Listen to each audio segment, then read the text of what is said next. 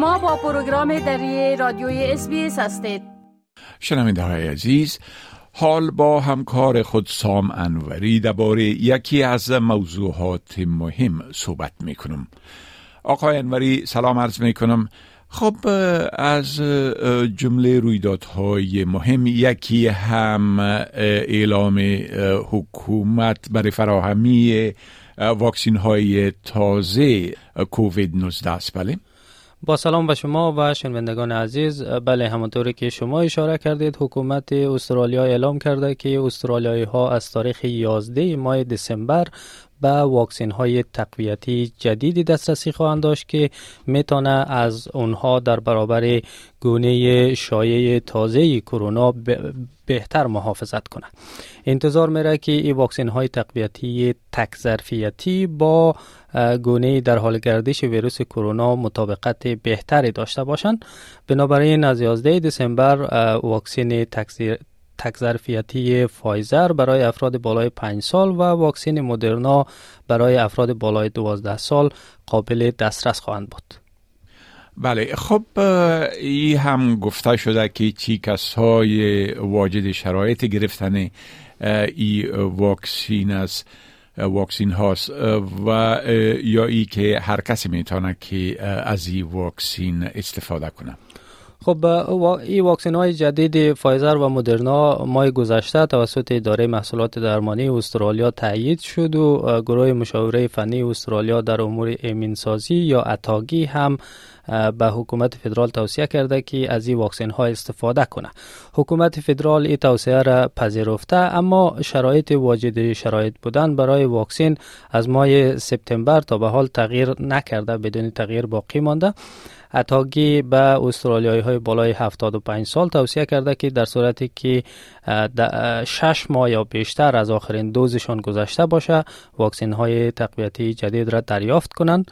به افراد بین 65 تا 74 ساله توصیه شده که اگر قبلا در سال 2023 واکسین نزده واکسین جدید را دریافت کنند.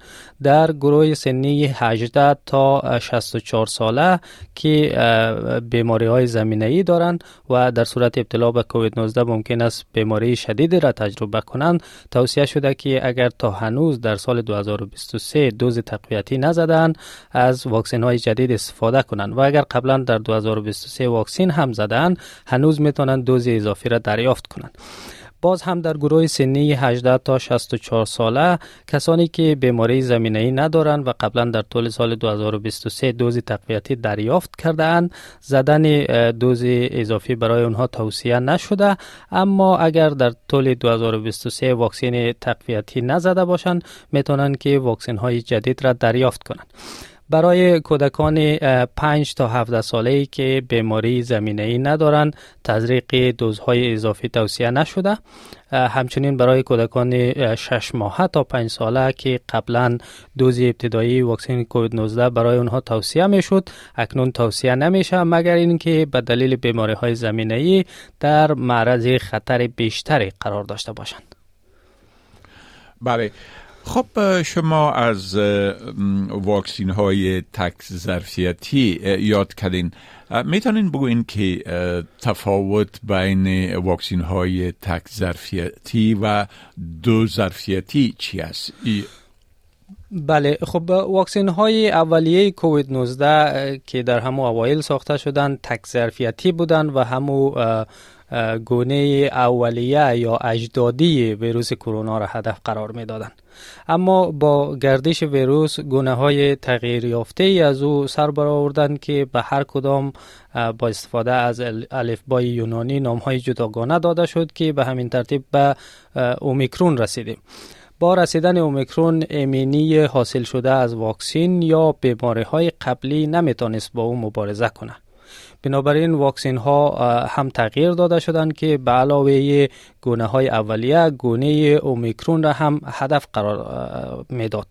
به این واکسن جدید که در سال 2022 در استرالیا مورد استفاده قرار گرفت واکسن دو ظرفیتی اطلاق می شد این واکسن دو ظرفیتی در اوایل سال 2023 دوباره بروز یا update شد و دو گونه ویروس را هدف قرار می‌داد که یکی گونه اجدادی و دیگری هم متغیرهای فرعی BA 4 و BA 5 اومیکرون بودند اما تغییرات بیشتر در بیروز به این معنا بود که تقویت کننده های پیشین باید دوباره تغییر کنند و به این ترتیب واکسن ها دوباره تغییر داده شدند تا زیرشاخه شایع جدید اومیکرون را که به نام XBB15 و گاهی اوقات به نام کراکن شناخته میشه را هدف قرار بده.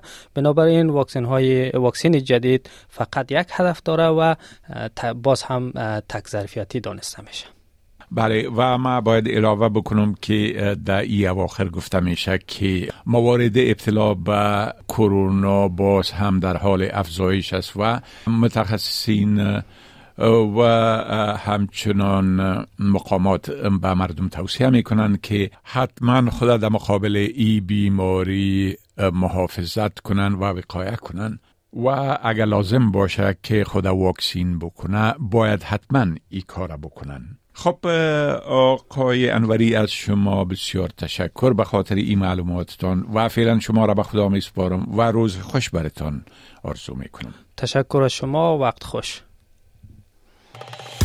بپسندید شریک سازید و نظر دهید. اسپیس دری را در فیسبوک تعقیب کنید.